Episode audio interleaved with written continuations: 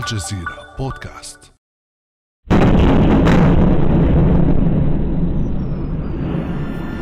صوت الحرب يمتد بعيدا إلى أعماق البحار وأعالي الفضاء. بعيدا إلى منطقة قد نجد فيها أنفسنا معزولين عن الإنترنت بالطريقة التي نعرفها اليوم. كل شيء قد يصبح في لحظة مقيد الوصول إلى شبكة بلغ عدد مستخدميها خمسة مليارات. مخاوف يعمقها احتدام الصراع الروسي الأوكراني وما يرافقه من توجه أمريكي لعزل روسيا عن الإنترنت. فهل ينقسم الإنترنت عالميا؟ وهل تستطيع دول مثل روسيا والصين إنشاء شبكات إنترنت خاصة بها؟ وماذا عن الحريات الرقمية؟ وما تداعيات تجزئة الإنترنت؟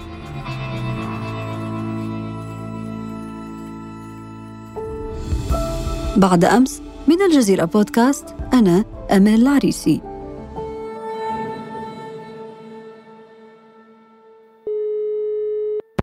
في هذه الحلقة أسعد باستضافة الأستاذ بسام شحادات الاستشاري في الإعلام الرقمي وتكنولوجيا المعلومات. أهلا وسهلا بك أستاذ بسام. أهلا أستاذ أمل. أستاذ بسام كوابل كبيرة تحت البحر تخترق القارات وأقمار صناعية في الغلاف الجوي. حتى نتخيل الحالة جيدا نتساءل في البداية عن كيف يعمل الإنترنت في العالم. الإنترنت يعمل بطريقة بسيطة جدا فيها أساسيات شبكات الإنترنت والاتصال. نتخيل اليوم أني أنا تناولت هاتفي المحمول أو الحاسب المحمول الخاص بي وطلبت أن أدخل إلى موقع معين موقع الجزيرة بودكاست. سأقوم بكتابة عنوان موقع الجزيرة بودكاست عبر الإنترنت. عبر المتصفح وأكبس على زر الدخول. سيذهب الكمبيوتر يرسل بيانات عبر الموقع الذي أحتاجه. ما هو الموقع الذي أحتاجه؟ يرسل هذه البيانات إلى ما يسمى بال Internet Service Provider مقدم خدمة الإنترنت في الدولة التي أنا أقيم فيها. أنا اليوم موجود في قطر. سيتم إرسال طلب إلى مزود خدمة الإنترنت. أنني أريد الحصول على بيانات في هذا الموقع. سيقوم مزود خدمة الإنترنت بإرسال البيانات هذه إلى ما يعرف بال DNS دليل العناوين في الإنترنت.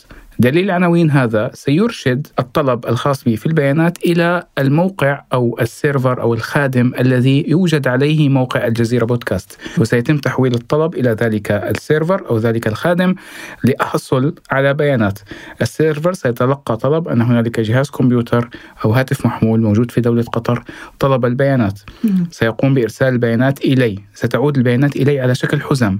ستصل إلى هاتفي المحمول إلى الحاسب المحمول الخاص بي يتلقاها المتصفح يقوم بتجميع هذه الحزم من البيانات ليظهر لي موقع الجزيرة بودكاست. يعني قصة طويلة اللي حكيتها بس كل هذا يصير في أجزاء من الثانية. بالضبط هي أجزاء من الثانية مجموعة من عشرات الآلاف من الأجهزة عشرات الآلاف من القطع أو الأجزاء من البيانات الصغيرة جدا تمر عبر عدد كبير من الكابلات تحت الأرض وتحت البحار وفي الفضاء تذهب إلى أقاصي الأرض وتعود إلي بالبيانات خلال أجزاء من الثانية. نقرة الزر التي أنا أفعلها على متصفح الإنترنت لدي إذا كان ال server الذي موجود عليه البيانات المتعلقة في الموقع موجود مثلا نفرض في أمريكا سيذهب الاتصال إلى أمريكا ويعود لي بالصورة والموقع وصفحة الويب خلال الأجزاء من الثانية. هكذا يعمل الإنترنت. طيب أستاذ بسام هذه الشبكة التي غيرت وجه العالم هذه الشبكة التي حولت حياة البشر نشير هنا إلى تقرير رقمية في 2022 الذي تحدث عن أن سكان العالم قضوا أكثر من 12 تريليون ساعة على الإنترنت عام 2021 هذه الانترنت التي أشرنا إليها توقع الرئيس التنفيذي السابق لشركة جوجل إريك شميدت في أواخر عام 2018 بأن يكون هناك انقسام لها، فكيف يمكن أن يحدث انقسام الانترنت أستاذ بسام؟ بطبيعة الحال اليوم الإنترنت هو تعاون بين عدد من الدول لتجعل بياناتها سيرفراتها مواقعها الإلكترونية قابلة للوصول من كل أنحاء العالم. هي شبكة متصلة ببعضها. الكل هنالك كيبل ممدود والكل يتصل به. هنالك مجموعة كوابل ممدودة حول العالم والكل يتصل بها حتى يكون هنالك إنترنت وحصول والوصول للبيانات بشكل عام. اليوم الصراع الذي يحتدم عسكريا وسياسيا الحرب الباردة التي كنا نراها في منتصف القرن الماضي اليوم تفرض نفسها على الإنترنت لأن الإنترنت اليوم يعتبر جزء كبير جدا من العالم. اليوم لا يمكن أن نفصل الإنترنت عن العالم. اليوم المال والأعمال والتجارة والتعليم والبيانات والاتصالات والتواصل بين الناس كله قائم على الإنترنت. وبالتالي اليوم الإنترنت يعتبر أصل أسد فاليوم احتدام الصراع العسكري أو احتدام الصراع السياسي بين الدول سيؤدي إلى تغيرات جغرافية على الأرض، دولة تدخل على دولة كما نرى الآن أو تغير آخر من الصراعات السياسية والعسكرية، لكن هذا الصراع اليوم يمتد إلى الإنترنت. ماذا يعني أن يمتد إلى الإنترنت؟ اليوم هنالك قيود تفرض من كل دولة على الأخرى نتيجة منع وصول بعض البيانات أو منع وصول المستخدمين. نحن اليوم نرى أن مثلا هنالك مواقع إلكترونية شهيرة جدا في العالم مثل منصات التواصل الاجتماعي فيسبوك تويتر لينكدين يوتيوب جوجل وغيرها من المنصات. هذه المنصات تزود أخبار محتوى لكل العالم. هذا المحتوى بدأ يظهر فيه نوع من التأثير السياسي التأثير الاقتصادي على الدول الأخرى. اليوم بدأت بعض الدول في أن تريد أن تفصل نفسها عن هذا الكم من البيانات الذي يمكن أن يدخل لمواطنيها وإلى داخلها لمنع تسريب منع تأثير. اليوم مثلا الصينيين يدخلون الإنترنت يستطيعون الوصول إلى مواقع التواصل الاجتماعي يستطيعون التأثر بالمحتوى الذي هو منشور على جوجل وعلى فيسبوك وغيرها وتويتر وغيرها. هذا أزعج الحكومة الصينية. الصينية اليوم ممكن أن يتعرض المواطنين لبروباغندا ممكن أن يتعرضوا لتأثير. فصنعت ما سمته هي جدار الصين العظيم الإلكتروني. جدار إلكتروني يحمي المستخدمين أو يمنع المستخدمين الصينيين من الوصول إلى البيانات الخارجية. وبالتالي هي فعليا وضعت بوابة على الصين من الداخل وأصبح الاتصال ما داخل الصين وما خارج الصين مراقب وله بوابة. ممكن بعض الأشياء تدخل أو لا تدخل وهنا بدأنا نرى التحول المرتبط في منع الإنترنت أو تقييد الإنترنت. يعني هذا مؤشر من مؤشرات انقسام الانترنت؟ هو بداية الانقسام، الآن بداية الانقسام يعني أنا إذا كنت اليوم موجود في الصين حاولت أن أدخل إلى موقع تويتر سيكون لي الموقع ممنوع ممنوع الدخول إلى تويتر في الصين. وهذا منع فصل اليوم أن أنا أدخل إلى موقع آخر. فاليوم أصبح لدي ما داخل الصين شيء وما خارج الصين شيء آخر. ففعليا أنا أصبح لدي شبكتين شبكة داخل الصين وخارج الصين. هذا كان في الحالة الصينية. الحالة الصينية كانت نموذج لمنع بعض المواقع. اليوم امتد الأمر إلى دول أخرى. إيران فعلت نفس الشيء. روسيا فعلت نفس الشيء. هذا من طرفها. من طرف آخر هنالك دول منعت الشركات أو الدول التي عليها عقوبات من الاستفادة من الخدمات التي موجودة عليها وبالتالي نحن بدأنا نشهد معالم انقسام الإنترنت. هنالك خدمات الدول تمنعها الصين تمنع الدخول إلى تويتر ومايكروسوفت تمنع روسيا من استخدام خدمات مايكروسوفت. وبالتالي بدأنا نشهد بداية ما يعرف بانقسام الإنترنت أو وجود شبكات منفصلة أو وجود حواجز على نقل البيانات بين الدول وبالتالي وجود شبكات منفصلة منفصلة نوعا ما طيب أنت ذكرت الصين ذكرت إيران ودول أخرى ولكن لا تكتفي كل هذه الدول بوضع هذه الستائر هذه الجدران الإلكترونية أو مراقبة كل البيانات التي تدفق إلى بلدانها لماذا تسعى إلى انقسام الإنترنت؟ هي تسعى لفصل تام لأن عملية المراقبة حاليا والضبط هي عملية متعبة. الإنترنت فيه كمية كبيرة جدا من المواقع والبيانات. وبالتالي اليوم هذه الجدران هي تحديثها ومراقبتها ووضع الأشياء الذي يسمح بدخولها أو الدخول عليها أو منعها عملية صعبة ترهقهم إلى حد ما. وأحيانا لا تكون مضمونة. يعني اليوم حتى لو كان هنالك منع أو حجب يمكن تجاوز هذا الشيء. اليوم الناشطين في الدول التي تمنع الوصول إلى المواقع يستخدمون برامج وتكنولوجيا لاختراق أو منع هذا المنع وبالنهايه الوصول إلى المواقع المحجوبة أو الممنوعة. الحل الأسلم لهم هو الفصل التام بين الإنترنت العالمي وبين الانترنت الوطني أو ما يعرف بالإنترنت الداخلي وبالتالي هذا يعني يعطيهم سيطرة كاملة على الإنترنت وبالتالي يمكن أن يكون حماية لمواطنين هذه الدولة يمكن أن يكون تقييد وسيطرة عليهم. ولكن أكيد أن هذا الانقسام ستكون له تداعيات كبيرة يمكن أن نشير هنا إلى التطبيقات الاقتصادية والاجتماعية الكبرى أمازون ميتا إنستغرام واتساب وغيرها ممن من الشركات التي تسمى بإمبراطوريات برأيك ما هي التداعيات على مستقبل هذه الشركات أو التطبيقات؟ طبعا حالة استعمال الإنترنت في السابق وما زالت إلى اليوم هي حالة من التعاون الدولي وهذا كان باب واسع جدا لنمو الأعمال عبر الإنترنت. اليوم شركات من شركات مخدمات الإنترنت أو شركات مساعدة التواصل الاجتماعي الموجودة في العالم هي تبيع منتجاتها وتقدم خدماتها لكل أنحاء العالم. اليوم هي محكومة بواقع سياسي فرض عليها. هي لا ترغب. اليوم لو نحن ذهبنا لنسأل فيسبوك أو تويتر أو جوجل هل أنت تريد أن تكون منقسم؟ هل تريد أن لا تصل إلى الجمهور؟ هو يقول لا أنا أريد أن أصل إلى كل الناس لأن هؤلاء هم جمهوري هؤلاء الأشخاص الذي يدرون علي الدخل الذي أنا أعيش منه كشركة لكن اليوم يوجد واقع يوجد فرض للقيود. الشركات اليوم تعاني وتجد حلول.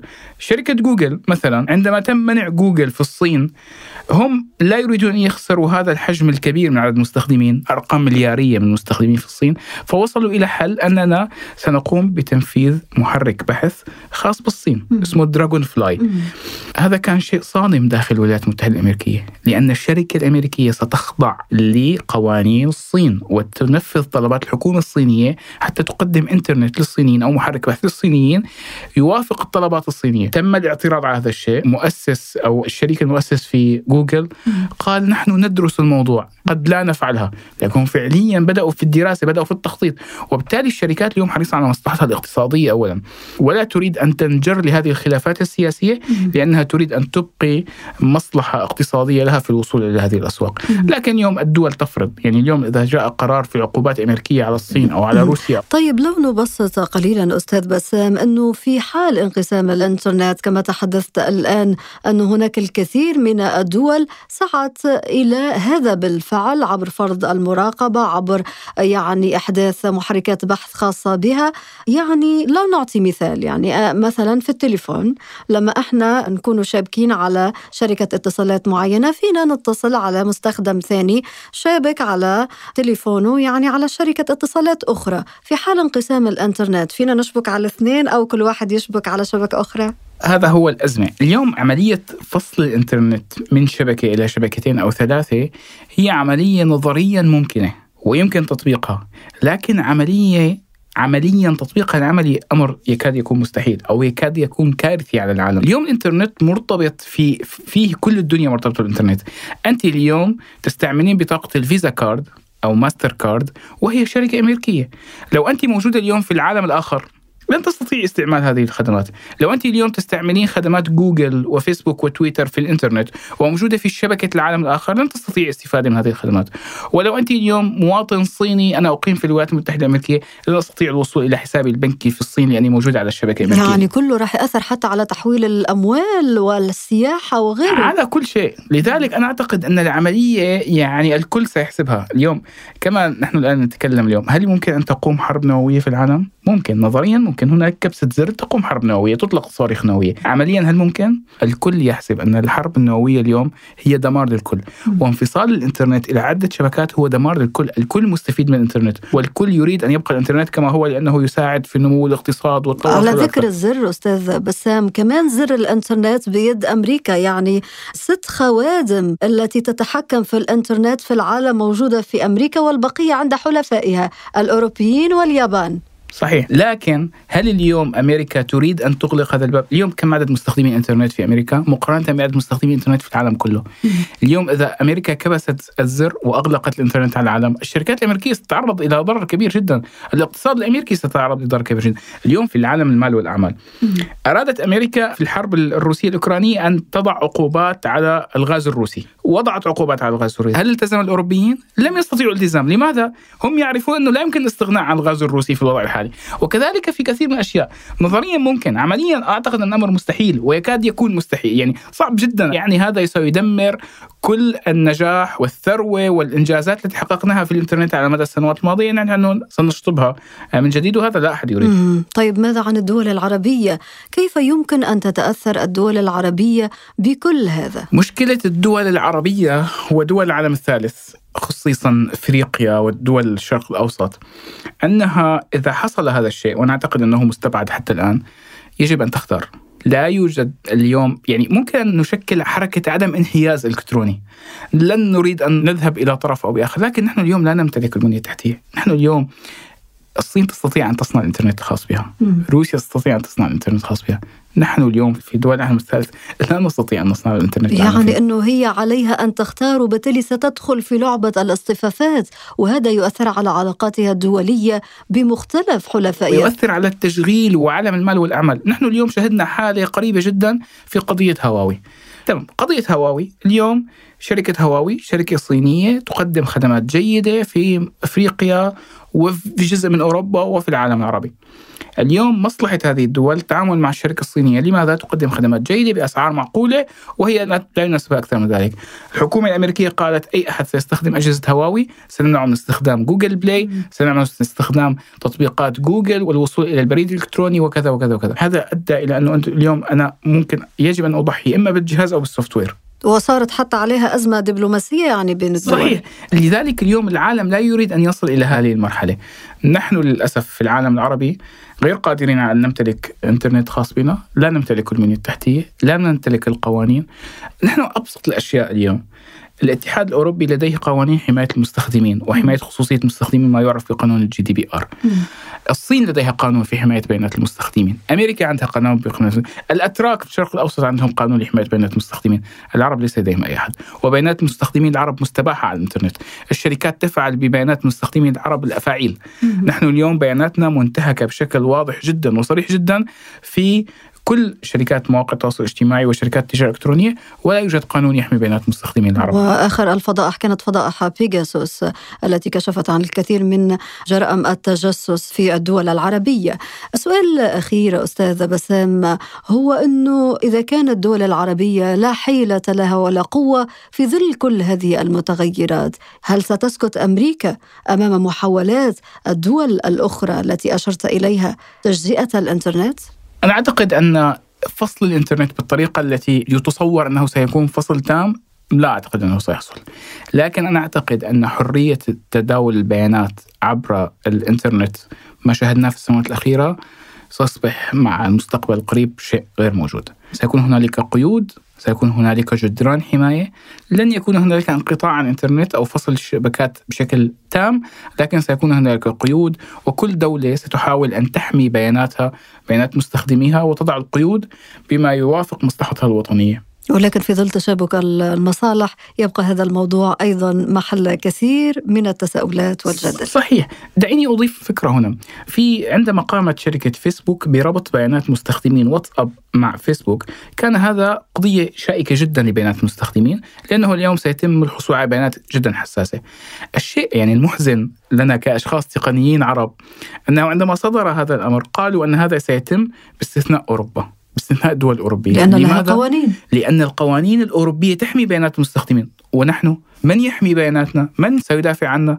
نحن اليوم نباع ونشترى على الإنترنت، بيانات مستخدمين العرب تباع وتشترى، ولا يوجد قانون يحمينا، وأنا أعتقد أن سنبقى بهذا الشكل إلا إذا جاءت الدول ووضعت قيود وقالت أن أنا يجب أن يتم حماية بيانات مستخدميني، يجب أن يكون هذا مسموح وهذا ممنوع، وكل دولة اليوم تعمل على هذا الشيء ما عدا دول العالم الثالث. للأسف.